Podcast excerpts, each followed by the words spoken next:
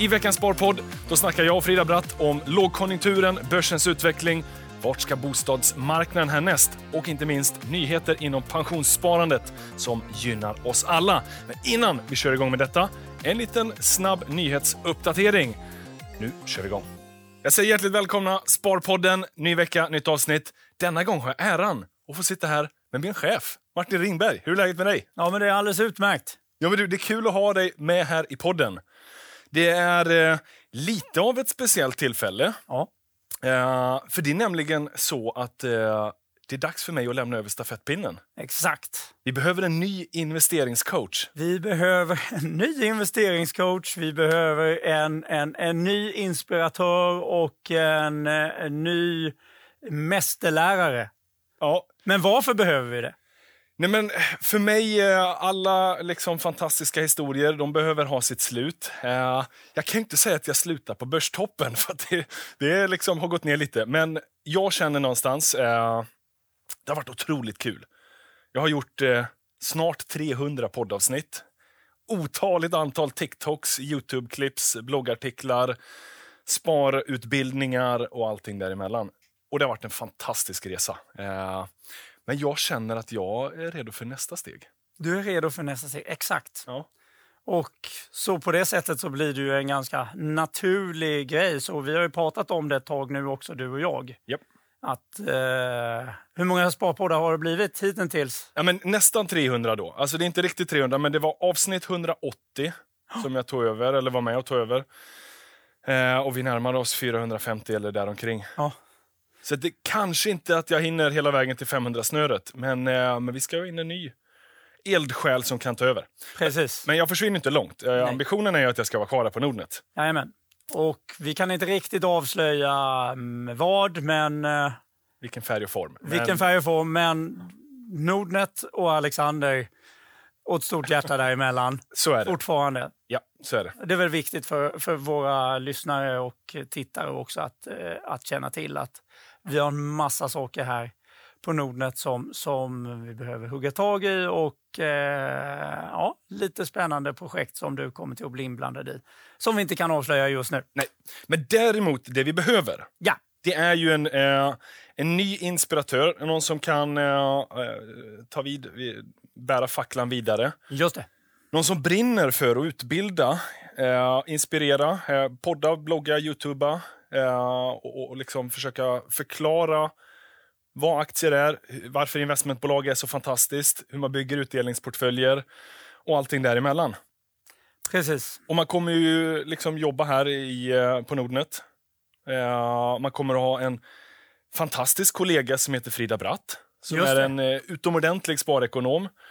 Och eh, man kommer att ha ett gäng härliga nordnettare till kollegor och ett, eh, ett, en fantastisk företagskultur. Så vi liksom lägger den här i podden och så får vi se lite vad det blir kanske.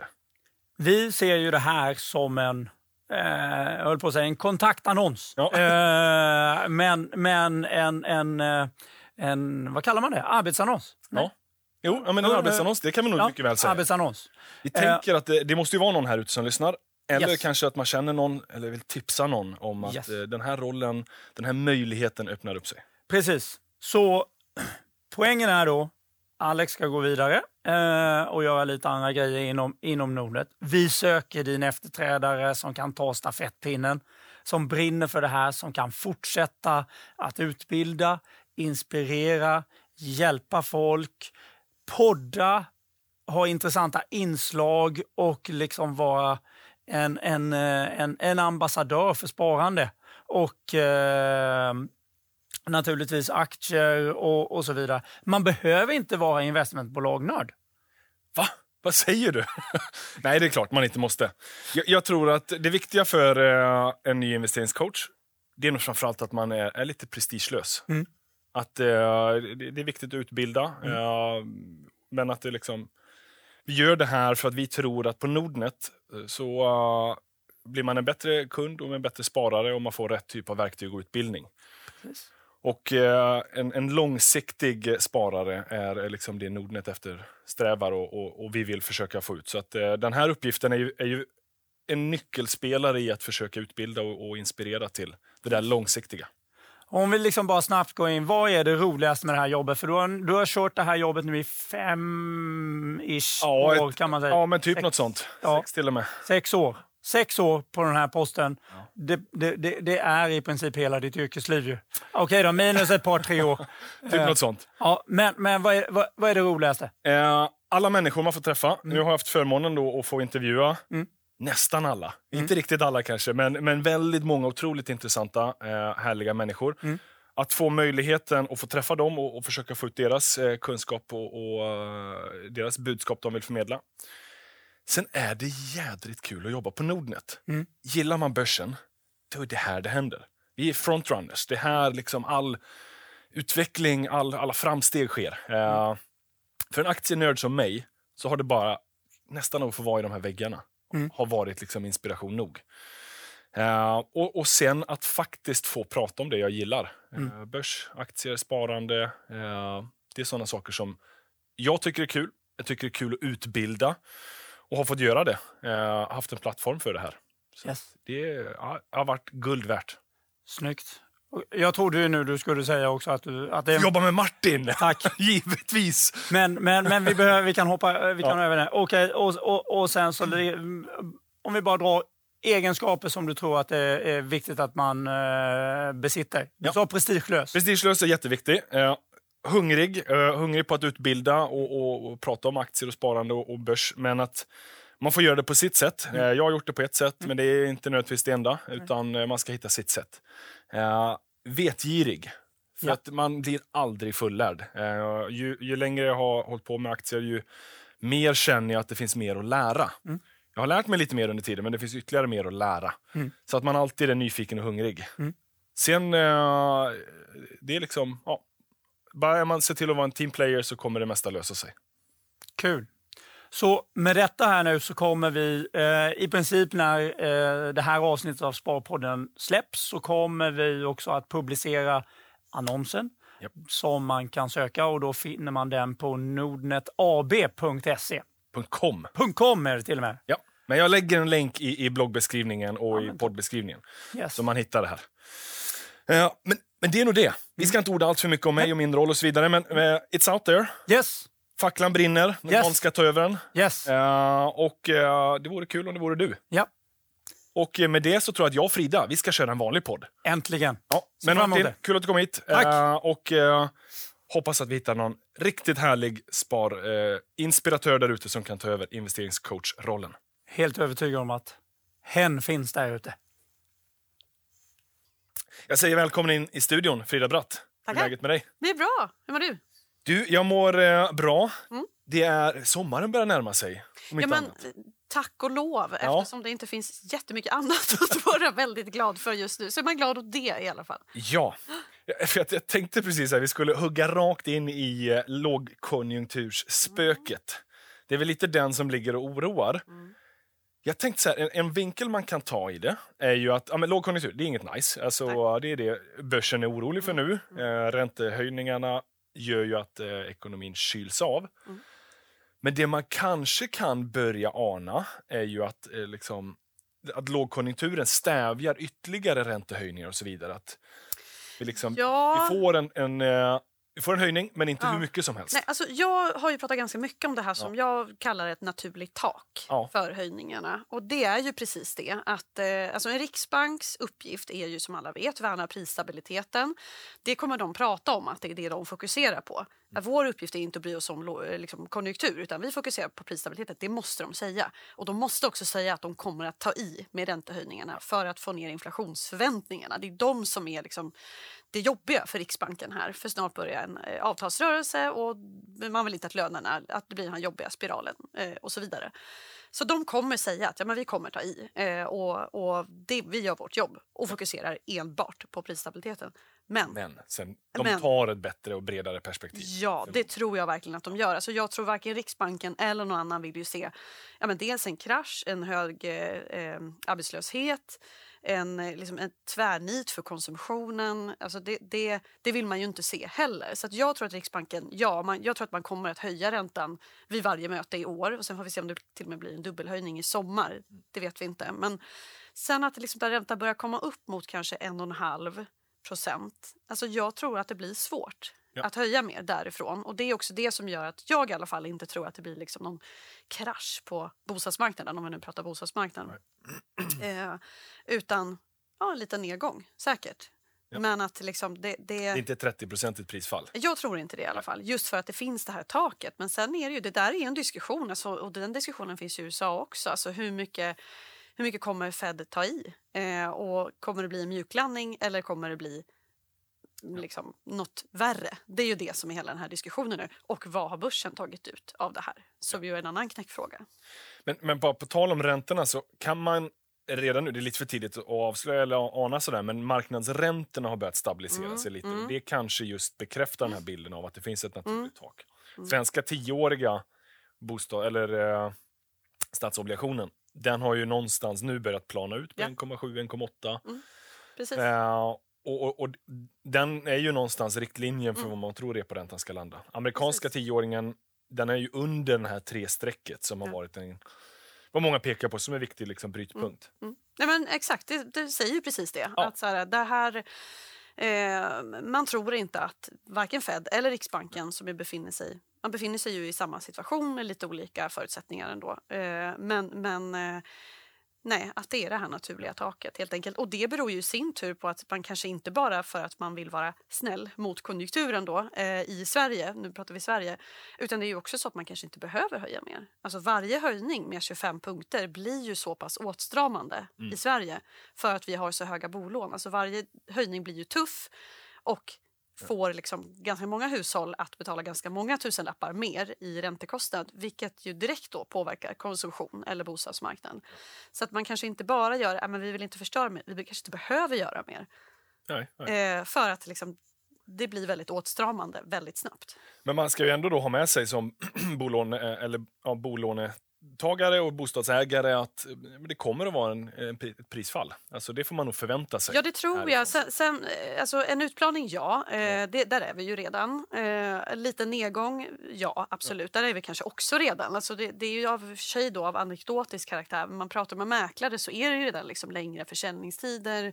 Det är mer liksom avvaktande i budgivningar. Acceptpriserna är tillbaka. Det var ju här för några år sedan. Det vill säga att säljaren säger ja, men jag är nöjd med att få det här. Ja. Liksom. Det, det har vi ju inte sett de senaste åren. För då har ju en säljare förväntat sig en galen budgivning liksom, där någonting budas upp en miljon eller mer. Ja. Eh, men, men att det är tillbaka, det blir ju liksom ett tecken i tiden lite grann. Så att vi är nog redan i att det är en liten Ja. nedgång. Och jag tror att man, alltså beror på vad man menar med prisfall då, men ja, en nedgång, det tror jag. Eh, just för att det blir tuffare. Alltså man, man, det får en psykologisk effekt på en gång när man sitter och räknar. Men om, om reporäntan ska vara 1,5 procent, ja, då kommer ju bolåneränta vara 3, 3,5. Eh, det, det får väldigt stor Ja, det, det är nu, framförallt också när det har varit så låg. Att det blir en Ja. sån, sån procentuellt stor Mm. skillnad. Eh, och att man har någonstans, framförallt kanske nya bolånetagare, att man har haft den här känslan av att den är låg eller kanske till och med lätt fallande. Mm. Och sen nu blir den stigande och man inser att det kommer vara ännu fler tusenlappar nästa år man får betala i, i Exakt. ränta. Och det som är så en miss tycker jag från Riksbank, där tycker jag att man faktiskt det finns skäl att kritisera Riksbanken att man har varit dåliga i sin kommunikation här. Eh, liksom, det kändes som att hela, hela omvärlden såg ju att inflationen redan var här. Alltså även innan kriget eh, så hade vi ju den här inflationen. Men Riksbanken höll i liksom väldigt länge i sin bubbla om att nej, men det här kommer falla tillbaka, det är bara tillfälligt. Så, i liksom, så sent som i februari så sa man ju att vi kommer inte höja räntan förrän andra halvan av 2024. Nej, och så slår man till med och höjer i april redan. Ja. Alltså, någonstans har man misslyckats där då. Därför att hela poängen, det som är viktigt för centralbanker är ju kommunikation. Ja. Inte minst Federal Reserve har ju faktiskt varit ganska bra på det ändå. De gör ju allt de kan för att förbereda, förbereda, förbereda på vad som komma skall. Ja. Men här i Sverige så fick vi liksom bara utan förberedelse då egentligen en höjning. Man gick ut och sa liksom i, i P4 Halland Ja. mellan räntemötena att nu har vi nog ändrat riktning. Alltså det kan man ju faktiskt ha åsikter om, tycker jag. Ja, men det kan man definitivt. Och sen att det konstant har funnits den här, ja, men vi höjer eh, den här igelkotten som har varit Mm. så här hela tiden, två år framåt, det är då höjningarna kommer. Precis. Och sen har de aldrig kommit eh, och så nu blir det en catch-up-effekt av allting. Mm. Ja, men man undrar lite grann, alltså, eh, Stefan Ingves eftermäle, det, Ja. det kommer nog diskuteras faktiskt, tror jag. Och, och det kanske blir en viktigare ansats för Riksbanken framåt att kommunikativt. Mm. Vara lite mer på bollen, vara lite tydligare, vara lite mer liksom, guidande för marknaden vart man vill. Precis, och sen är så här, ingen kunde kanske förutse kriget, eller ja, man var väldigt insatt i eh, rysk eh, militärpsykologi eller Ja. så. Då kanske man kunde förutse det. Men, men Men nej, nej, det kunde man ju inte. Så visst, omständigheterna har en, ändrats då efter februarimötet. Men samtidigt så var inflationen redan här. ja, ja, energipriserna var höga. Mm. Ehm, och, och, och man skrek ju hela den här transitory hela tiden förra året. Ja, verkligen. Så, så blev det inte det. Men Fed gick ju ifrån transitory, det ordet, liksom ganska tidigt. Det var ju ganska länge sedan. Medan Riksbanken höll kvar med Ja. det här. Och då såg man ju liksom att de här energipriserna hade redan börjat få spridningseffekter till liksom andra varor. Det är det som är hela grejen här. Att ju större spridningseffekter desto mer sätter sig inflationen. Och så har vi den här löneavtalsrörelsen. Ja. Som är liksom, det är väldigt jobbigt för Riksbanken om vi, liksom, eh, eh, arbetstagarna kräver högre löner i enlighet med inflationen. Liksom. Men ha, har inte det slagit ut redan i år då? Eller är inte, för det, det känns eller hörs som att det tisslas lite om att eh, arbetsgivarrörelsen att de ändå vill ha lite mer löneförhöjning i år. För att det kanske mycket uteblev på grund av covid och så vidare. Ja, ja men det tror jag kanske att det har slagit Ja. igenom. Men den stora avtalsrörelsen, det är så det funkar i Sverige. Det blir, görs ju liksom centrala förhandlingar ändå. Eh, så det, och den kommer ju eh, Nästa år senare, i då, år. senare i år. Okej, senare ja, i år. Ja. Nu kanske var jag som sa nästa år. Det är senare i år, 2022. Ja, Mm. okej. Men, men hur, hur mycket ska man liksom frukta lågkonjunktur? För att det är ju ett eh, liksom negativt eh, laddat ord, så, Mm. men eh, och jag tror att så här, vi har inte varit i, det, eh, i den sinnesstämningen på en lång tid, vilket gör att många kanske då befarar och fruktar det ännu mer än vad man kanske behöver. Mm. För att det är naturligt många sätt i en ekonomi att det kommer att vara hög och lågkonjunktur. Mm. Sen har vi bara haft en väldigt liksom, stabiliserande penningpolitik som har försökt undvika det här till varje pris som helst. Men, men det är nästan oundvikligt att det kommer. Mm. Nu är vi här, nu kommer vi liksom stå inför det Mm. på ett eller annat sätt. Sen Mm. får vi se hur allvarligt det blir och så vidare. Men, eh, men, jag- men jag bara tänker så här, finns det någonting man bör göra som sparare, som eh, arbetare, som eh, Eh, bolånetagare? Eller men bara hänga jag- med på resan? Ja, alltså jag tror man bara måste vara beredd på att det kommer. Ja. Att det, liksom är, det är liksom ett trendskifte. Det är lite nya tider för bostadsmarknaden, för alltså börsen eh, inte minst. Eh, och där är ju frågan som vi var inne lite grann på hur mycket av den här avtagande tillväxten är inprisad. Alltså det kommer ju komma, liksom, det kommer ju synas i bolagsrapporter. Liksom. Ja. Men är det har, har börsen tagit ut det? Börsen är ju så framåtblickande. Har börsen tagit ut det redan helt? Eller? Det vet vi ju inte heller. Men man måste vara medveten om det. Liksom, att det är det här som händer nu. För, för det var egentligen en av mina poänger. att det, Man ska nog inte förvänta sig att börsen ska falla galet mycket mer på grund av lågkonjunktur. Utan Nej, utan det är det som har hänt Ja. redan. Ja, men precis. det är den Eh, inprisat. Sen ja. kan det ju faktiskt bli värre och då kanske börsen Ja, ska ner. exakt. Men, det, kan också vara så att börsen har tagit ut för mycket. Så Ja. det, det, det är där som är den Precis. svåra frågan just nu. Att så här, eh, vad, har börsen tagit i för mycket? Eller är det... Ja. Och, och generellt sett så brukar den ju göra det, ta i lite för Mm, mycket. mm, eh, I båda riktningarna. Ja, Inte. Mm. minst uppåt förra året märkte vi och nu kanske den har tagit ut lite för mycket neråt. Mm. Så det är det man har att fundera på lite grann som investerare, liksom vad man tror om det här. Eh, men sen är det ju liksom, ja men i ens privatekonomi, alltså prioritera, eh, sätta av till en buffert, låter ju supertråkigt. Liksom, eh, de flesta som lyssnar på det här är ju redan intresserade av liksom, privatekonomi, investeringar, har förhoppningsvis liksom, bra koll på ehm, eh, bufferten, sparpengarna och så vidare. Så det, det, men det finns de som kanske ja, inte har räknat med det här. Nej, eller liksom inte, så många, det är en hel generation som bara har varit med om att allting stiger. Liksom, att priset på tillgångar stiger. Och det är ju liksom eh, centralbanksdrivet Ja. att det har blivit så. Eh, så det är ju en ovan situation. Ja. Och nu så ser man i tidningarna nu att det är liksom stora techbolag varslar personal. Mm. Eh, Klarna. Klarna varslar jättemånga och många andra. Ja. Där man märker att ja, men okej, för bara ett år sedan så befann vi oss i ett läge Mm. där tillväxt var det viktigaste av allt. Det fanns stora kapitalflöden. Det var lätt att få investeringar för att satsa. Mm. Och så bara stryps det där. Ja, men det är ju så. så det är liksom att, eh, eh, där, då ser man ju tecken på att det här har tagit sig ut till realekonomin. Alltså vi, har ju, vi som liksom är intresserade av börsen har ju märkt av det Ja. på fallande börskurser. Men liksom realekonomin som sådan, det ser ju bra ut. Ja. Alltså svensk ekonomi går ju bra just nu.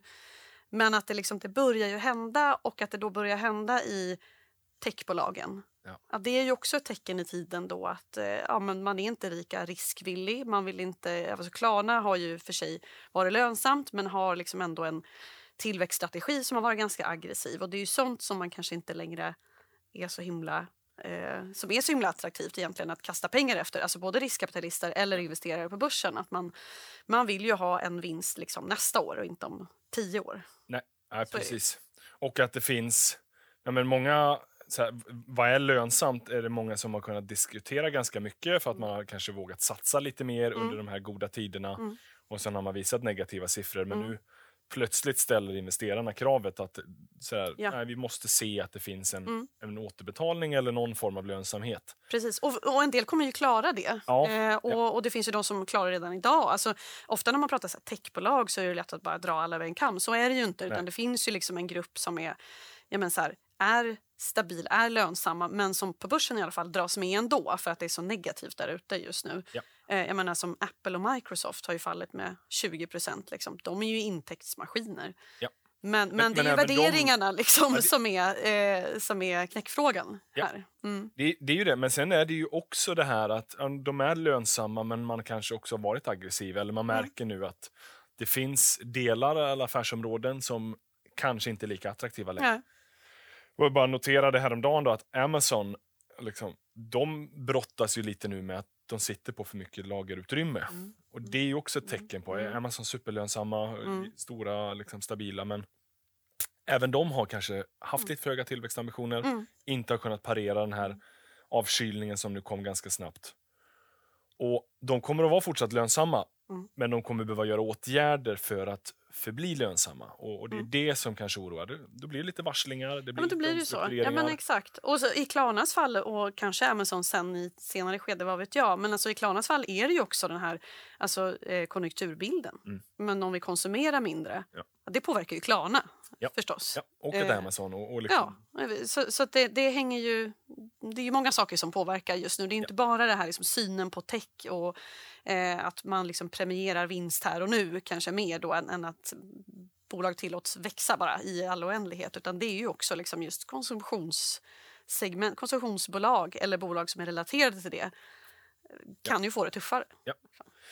Och, och sen är det ju de som kanske här nu i första ledet, eh, man märker att en avkylning eh, efter en ganska kraftig högkonjunktur här under förra året.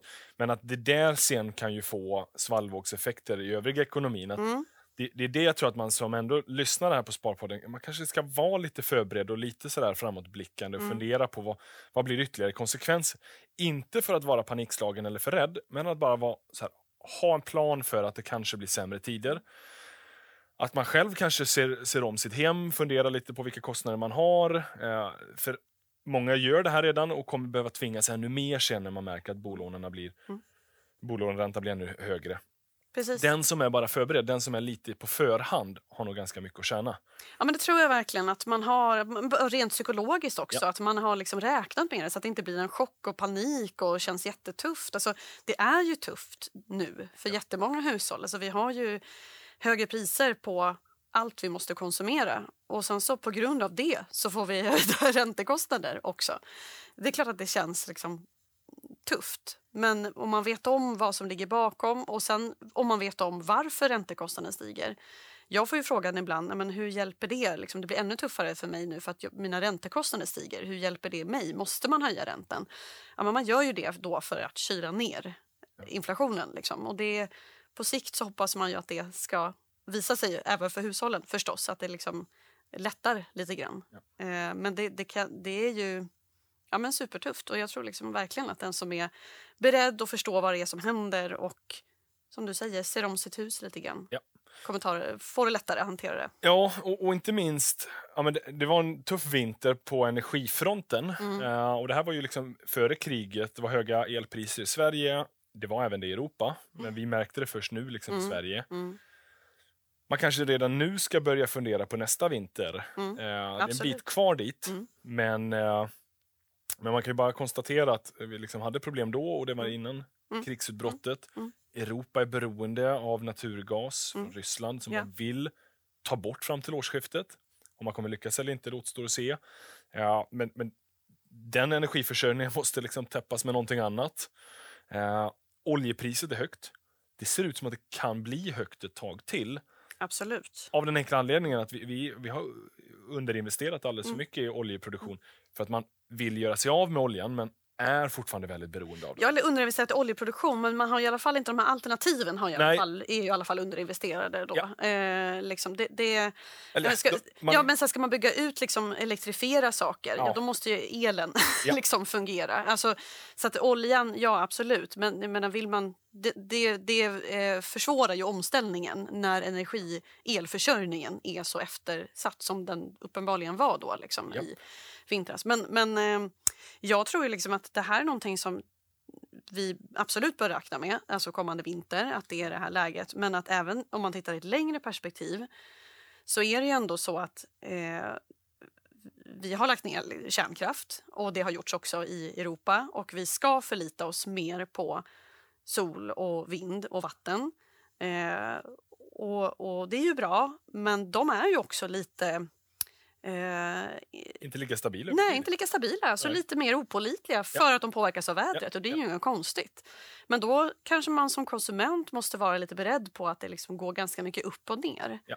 Eh, och, och att det är volatilt. Och, sen, och då kanske förbereda sig lite grann på det. Alltså, men nu har man ju sett också, det gör ju folk, alltså de som bor i hus som drabbas kanske mest då när det kommer skyhög elräkning. Alltså det, är ju blivit, det har ju blivit lite en boom med solceller och eh, sådär. Att man, man försöker ändå att man installerar nya uppvärmningssystem hemma som gör ändå lite billigare. Där, det är intressant också för det här tror jag kommer påverka bostadsmarknaden också. Ja.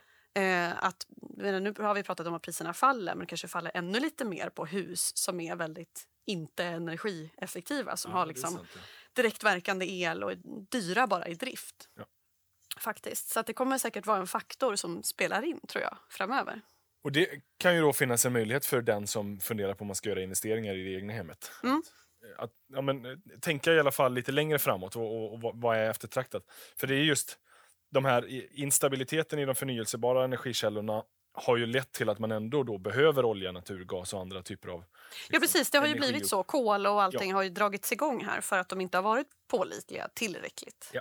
Att, eh, mm. Och, och, och flygindustrin kan man också konstatera, den är fortfarande inte tillbaka på samma nivå som före pandemin. Eh, jätteberoende av olja, Mm. både för transporter men även för turism. Vad händer om det där fortsätter? Nu kanske då den här avtagande konjunkturen gör att man inte turistar lika mycket förvisso, men, Mm. eh, men, men man ska nog ha med sig att det här nu att man hoppas att även drivmedelpriserna är övergående, ja men det kanske de inte är. Nej, nej det, det, men det är ju... tag på den här nivån. Ja, i Sverige så är det ju, om man ska vara ganska krass, så är det ju ändå politiska beslut som är tagna för att det inte ska vara billigt att köra bensin. Liksom. ja. Så att eh, det, det tror jag man gör sig själv en tjänst om man inte går och hoppas på att det blir billigt att köra bensin och diesel. För det är inte, det som, det är inte de besluten som har tagits i Nej. Sverige. Nej, nej, och det är bara så enkelt. Liksom. Så enkelt är det. Så att det då, då får man göra en kalkyl, Ja. räkna efter själv. Alltså kan man, jag menar, det är också en investering, tycker jag i alla fall. Att, eh, om vi pratar om vi var inne på hus och sådär, att liksom investera i något som ändå ger lägre kostnader också Mm. längre fram. Men på tal om eh, politiska beslut, eh, nu när det är lite tuffare tider framöver, amorteringskravet är också ett sånt liksom, Mm. politiskt beslut. Har ju införts här under senaste decenniet eh, i lite olika former. Kan det vara att det liksom finns möjlighet att de luckrar upp, ser över såna här saker?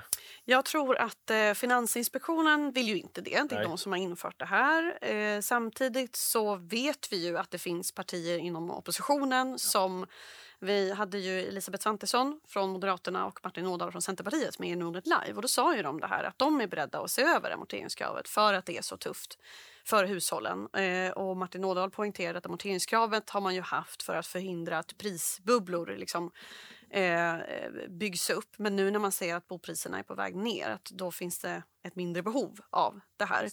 Sen kan man ju naturligtvis hävda, nej men är inte det bra? Det blir liksom ännu värre. Är det inte bra? Är det inte sunt att ha ett amorteringskrav? Det låter vi vara osagt, men det verkar som att det öppnar sig någonting, en diskussion för det här. Och vi har valår i år. Ja, ja. Amorteringskravet är någonting som påverkar många, många väljare. Eh, så att, eh, det är väl inte jättekonstigt om det skulle bli en diskussion. Jag tror att Eh, Max Elger, Socialdemokraterna, eh, finansmarknadsministern, har sagt att han inte vill se över det. Jag, inte helt, ja, det får jag återkomma till. Jag, eh, men, men en diskussion kan det kanske bli eftersom det är så att oppositionen ändå verkar öppna för det här. Just det. Det är spännande. Eh, Ja, det är spännande. Och det skulle ju kanske det skulle ju säkert få en påverkan på bostadsmarknaden. Det skulle ju kunna stabilisera. Att det blir lite så här politikerna, finanspolitiken kommer till undsättning lite grann.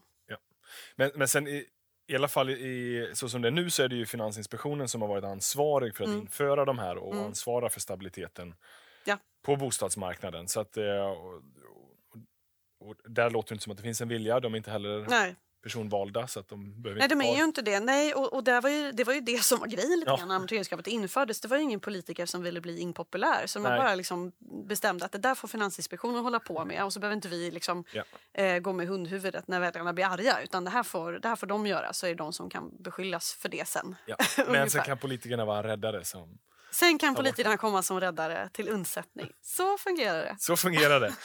Och det fungerar ännu mer så när det är ett valår givetvis. Ja. Men eh, bara att det kommuniceras kring det här Mm. kan ju faktiskt få lite stabiliserande, stabiliserande effekt. Mm. Eh, sen vad det praktiskt skulle kunna vara, det återstår ju att se. Eh, man har ju haft Amorteringskravet kom ju i de två första formerna, eh, var ju liksom i belåningsgrad, men sen så kom ju den här tredje som var verkligen så på skuld av inkomst, eller i, i Mm. mått på inkomst. Skuldkvoten där, ja. Skuldkvoten, Ja. där har vi ordet. Eh, Exakt. Precis, så det är ju två, inte- två komponenter i den senare. Alltså det, eh, det var först bara belåningsgrad och sen Ja. kom den andra vågen, eller andra eh, den, tvåstegsraketen var det ju. Just det. Och då var ju en skuldkvotskomponent också. Men, men vilken tror vi att de borde vilja se över? Alltså, Nej, jag tror att det blir en, en paus i så fall. Ah, det är det som man hör diskussionerna. Så att inte att man ser över och skruvar på. Det är i alla fall inte det som vi hörde på Nordnet Live då, bland, eh, från Moderaterna och Centerpartiet. Utan där diskuterade man en paus, så som gjordes under pandemin. Men, men det är ju lite svårmotiverat från Finansinspektionen själva. För att trots allt så har ju bankerna har ju gjort en kreditprövning innan man gav lån. Och där har man ju en kalkylränta på 6-7 procent. Så vi ska ju klara det här Ja, ur, ur ett rent liksom, finansstabilitetsperspektiv så ska ju hushållen klara det här. Men det kommer ju kanske påverka, alltså klara höjda räntor, men det påverkar övrig konsumtion. Det är väl snarare så det är, men det är inte Finansinspektionen ansvar för heller. Så det är svårare för dem att motivera att det ska vara en paus nu, tror jag. Eftersom vi ska, inom citationstecken, klara räntor. ja, och det är ju lite konstigt att vi ska hålla på och pausa när det blir lite sämre tider. Ja, men det är ju lite Alltså, för- speciellt. Med, Pandemin, visst pandemin den, Mm. den liksom tog oss alla med överraskning Mm, och ingen mm. hade räknat med pandemier och effekter och sådär. Men att man pausade, det blev ju att folk tog de där pengarna och konsumerade eller köpte Ja, för det var ju, det var ju eh, härliga tider på ett sätt. Ja. var det ju det. Trots pandemi så börsen gick jättebra och det var ju... Ja, så att Ja. visst, det, då, ja, det är svårt. Alltså. Jag, jag kan tänka mig att för enskilda hushåll så, så som det kommer att bli Ja, så tror jag liksom att det är klart att det kan lätta väldigt mycket och det kan också stabilisera eventuell då, eh, prisnedgång på bostadsmarknaden. Men samtidigt som du säger, det finns något liksom, eh, eh, pedagogiskt problem att förklara varför man gör det. För att det här ska vi ju klara. Och liksom, bankerna har ju testat det här i sina kreditprövningar och så. Och samtidigt så är det ju sunt att betala tillbaka på sina lån. Så att jag ja, det är själv lite kluven kanske. ja och det, det här är ju saker, alltså ett bolån det har du över ett yrkesverksamt liv, en Mm. hel livstid kanske till och med. Att Mm, Den där ska ju bara Mm. amorteras i Mm. både goda och dåliga mm, tider. mm. Lite hela tiden, det är ju Mm. tanken. Alltså, du har tagit det där lånet på 30 eller 40 år Mm. kanske. Exakt. Eh, det är lite för kortsiktigt. När man håller på och, och småpillar lite här, pausar lite där. Mm. Men, och så, det tycker jag i och för sig då kännetecknar politiken i stort. Ja, ja. Det är sällan man tar 30 års... Eh, Nej, utan det är, jag menar titta på pensionsdebatten, nu ska vi inte grotta ner oss i det, det är ett sidospår, men i alla fall.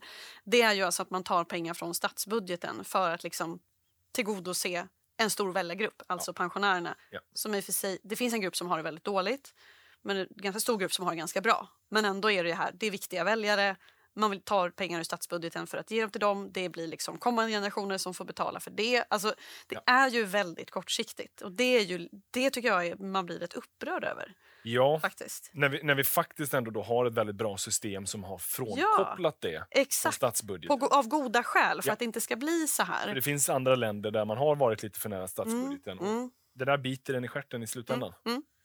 Eh, utan det ska vara sparande och som sen då liksom tas ut. Det är liksom frånkopplat. Ja, exakt. Och det blir liksom ett kontrakt mellan generationer lite grann. Att, ja, men vi, eh, du och jag, vi jobbar ju nu, liksom, då betalar vi in pengar som dagens pensionärer får. Och sen när vi blir pensionärer, ja, alltså det, det är så det är tänkt att fungera. Och det har ju fungerat bra. Sen kan man ha åsikter om nivåer och så vidare. Men, men eh, att, att höja pensionen för alla, även de som har pensionärer som har liksom lägenhet i Spanien. Och, eh, Ja. så här, det känns mer som att det har med att göra att det är valår.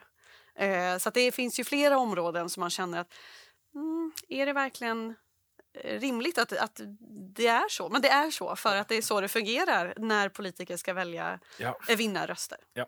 nu blev jag lite upprörd här. Ja, på men det är helt okej, f- det får man Ja, bli. mm. Men på tal om pensioner, vi har ju lite glada nyheter i alla fall. Ja. Det klubbats igenom en, en utvidgad flytträtt. Alltså politiker gör bra saker Ja. också, det måste jag verkligen säga. Det här är en jättebra sak och det är ju att vi har ju kämpat jättemycket för en fungerande flytträtt. Den, eh, det finns ju en lagstadgad flytträtt för pensionsförsäkringar tecknade efter 1 juli 2007.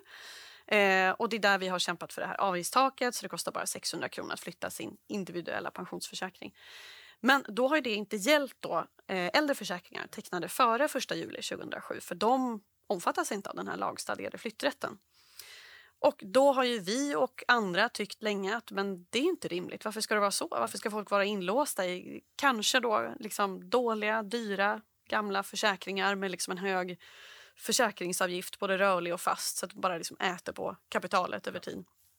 Men då har man då tagit beslut om, och det var Kristdemokraterna som initierade eh, eh, Eh, förlåt, det var, det var eh, eh, före detta finansmarknadsminister Åsa Lindhagen. Det var hon Ah, som okej. initierade det här. Men sen har Kristdemokraterna kommit med ett annat förslag som jag ska komma in på senare. Men, men, eh, och nu så tog riksdagen beslut förra veckan om att det här kommer att ske. Alltså flytträtten kommer att utvidgas. Och det som det också togs beslut om, det var Kristdemokraternas förslag om att man ska se över om det går att slopa kravet på, på för detta arbetsgivares underskrift. Ah, Och okej. det är en sån där grej, det kan låta så här, varför är det viktigt? Men det är liksom den sak som sparare, när jag Största pratar med dem, barriären. ja, upplever är liksom allra krångligaste. Ska jag liksom ringa för detta arbetsgivare, kanske inte ens finns kvar, Nej, okej. kanske slutade liksom, kanske inte har någon bra relation längre. Alltså det stannar där för man känner så här, ah, Ja. liksom, känns bökigt bara. Så att om det kan, nu, alltså beslutet gäller att man ska tillsätta en utredning som ska titta på om det går att göra rent juridiskt. Så, så vi vet ju inte, men det är ju ett jätteviktigt steg och det är eh, Kristdemokraterna som initierade det där. Så att, eh, credit till dem. Ja, jättebra. Jättebra. Men, men i praktiken då, vad- det här nu då är det ju, så alla pensioner, oavsett när de är tecknade, är nu möjliga att flytta. Eh, Gissar jag då att den här flytträtten Ja, ger. Sen eh, går det inte att flytta vart som helst och det finns fortfarande nej, liksom lite begränsningar. Ja, det här gäller ju då individuella pensionsförsäkringar, alltså okej. inte kollektivavtalade. Ja. Eh, och för en, kollektivavtalen så har ju liksom egna, det är lite en egen värld. där har du liksom upphandlingar och där fungerar ju flytträtten inom de upphandlade eh, alternativen kan man säga. Men det är inte heller inom kollektivavtalen som problemet med höga avgifter har varit som störst. För där har du ju liksom att det pressas i en upphandling. Utan det har ju varit utanför kollektivavtalen. Det är där de här stora dåliga villkoren finns som man kan ha ett intresse som sparare att flytta ifrån. Just det. Och det blir då eh, att den här eh, flytträtten då utvidgas. Ja. Så att, Så att, o- o- om någon sitter här nu och vet att man har varit liksom på lite olika platser genom eh, arbets, eh, det förda livet. Mm. Kanske inte alltid haft kollektivavtalade tjänstepensioner utan ibland har företaget tecknat någon Mm. egen tjänstepensionslösning. Då är det en sån här individuell. ja, så är det. Den borde nu då vara möjlig att flytta, Mm. eller? Sker det liksom bara så här att nu är det tillgängligt, eller? Nej, det är från, från första juli. Ja, första juli. Mm, så ska det här införas. Ja. Det klubbades i riksdagen förra veckan. Eh, det var roligt för att eh, jag var där och skulle bevittna det här Ja. historiska. Det roliga är ju så när man tar beslut i riksdagen, det kanske man inte vet hur det går till. Man tror att det liksom här är någonting som debatteras och sen... Ja. Eh, Stridigheter. Ja men precis, liksom. man ropar kanske. Ja. Och det är liksom, ja, men så var det ju verkligen inte. Utan det var ju faktiskt så att politikerna från i alla läger var överens redan i finansutskottet. För att alla tyckte att det här var en bra sak. Vilket innebar att när ärendet sen kommer till riksdagen och då liksom klubbas det bara igenom. Så talmannen Andreas Norlén han bara och nu ska flytträtten utvidgas. Bam, klart. Ungefär, ungefär så. Så det tog liksom två sekunder. Ja. Så, men jag tyckte att det var värt att ta mig dit ändå. Eh, för att bara vara där och, när det händer så att säga. Men, men det Det var bara inte så- vidare och sen är det kanske så här 53 ärenden som ska klubbas igenom liksom, Ah, okej. på en Ja. timme. Sen, sen kan det ju vara, eller det har kanske varit stridigheter innan då? Eller Ja, då har det ju varit diskussioner redan i finansutskottet. Fast i det här fallet så var det inte det. För det, var ett sånt, det var ju väldigt glädjande då. Återigen då, cred till politiker. Kan göra bra, väldigt bra saker också. Eh, alla förstod eh, verkligen att det här behöver göras. Alltså, det är inte rimligt ur ett konsumentperspektiv att, att försäkringen inte ska gå att flytta bara för att de är tecknade för länge sedan. Nej. Så att det här var alla med på helt Ja. enkelt. Så att då behövdes det ju inte någon omröstning eller så i riksdagen. Men det är ju skönt, så att nu har vi ju eh, så att individuella tjänstepensioner, oavsett när de är tecknade, de går att flytta. Ja. kommer kosta max 600 kronor. Mm. Det är ju helt... Eh, helt Ja, det gäller ju perfekt. då för, för fond och depåförsäkring. Fond och depåförsäkring. Ja, så det är fortfarande lite om och men och lite sådär. Inte traditionell livförsäkring. Ah, okej, Mm. okej. Så det kan vara individuell tjänstepension, traditionell livförsäkring. Ja, då, då kostar det ju inte 600 kronor. Ah, okej. Så det avgiftstaket gäller ju för fond och depåförsäkring. Ah, okej. Mm. Ja. ja, det finns alltid lite... Ja, det är alltid lite sådär. Ja, precis. Men sen har vi kollektivavtal, de är redan nu liksom lätta att flytta sen tidigare. Ofta. Mm. Till vissa alternativ i alla fall. Ja, de är ju låsta inom De är låsta inom kollektivavtal. precis. Men ofta är det ju ganska pressade priser. Ja. Sen, däremot, det jag vet att du...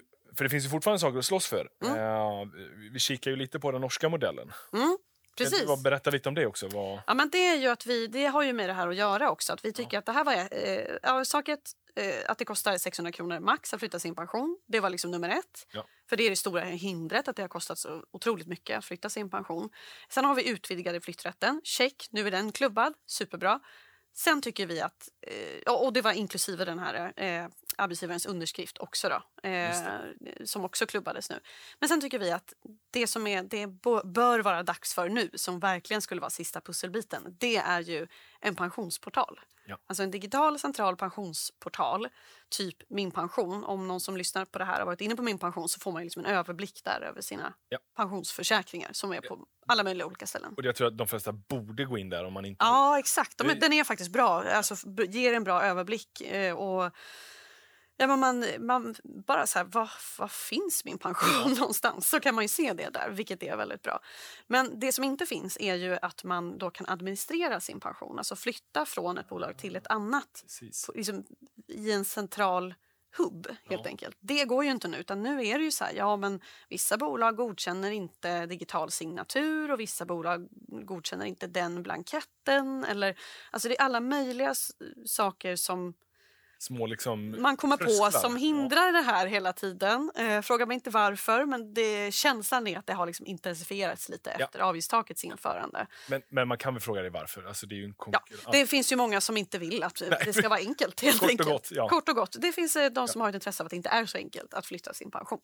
Så det. Och det har blivit enklare i och med avgiftstaket. Då kan man försvara på andra sätt. Och det är det som vi tycker att vi ser i det här. Och då skulle ju liksom en Alltså, eh, en pensionsportal skulle göra att det går liksom inte att ducka den digitala utvecklingen. De bolag som gör det, för det finns det bolag som gör, de får ju svårare att ducka det eh, och kan liksom inte skylla på att det är fel på blanketten eller någonting. Utan då skulle det ju vara mycket smidigare om alla är anslutna till det här. Och då tycker vi att Min pension skulle vara en jättebra utgångspunkt för det. Att man bara adderar den här flyttfunktionen. Så det jobbar vi för och talar för och eh, har faktiskt fått visst gehör från politikerna som där alla egentligen partier tycker att det här låter som en bra idé. Ja. Men sen liksom från att de tycker att det låter som en bra idé till att man verkligen ska göra något. Det, Det är ett steg. Men där, ett steg.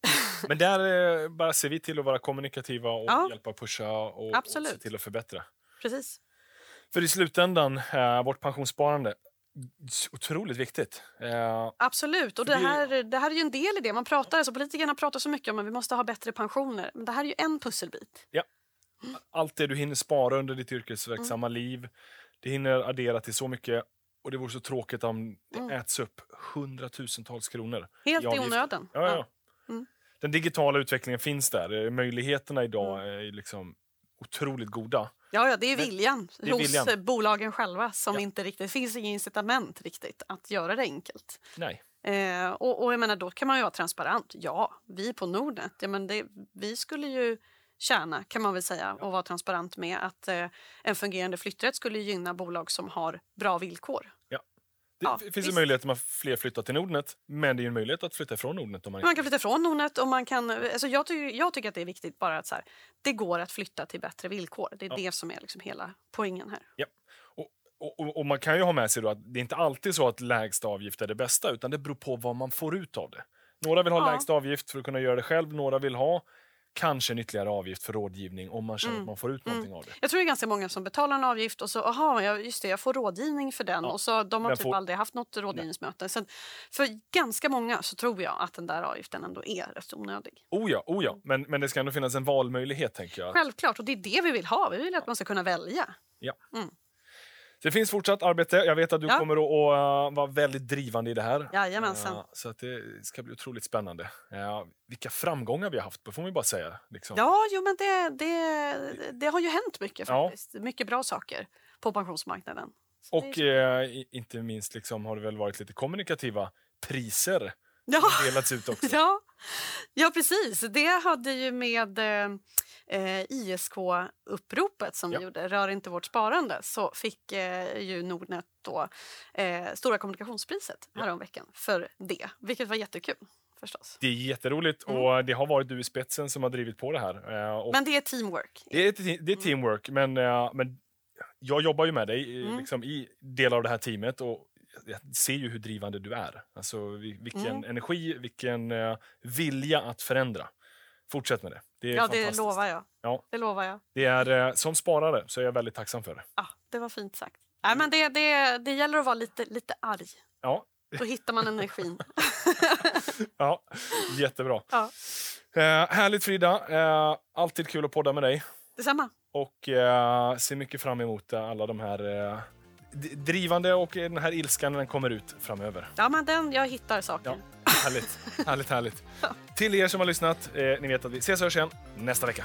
Ciao! Hej då!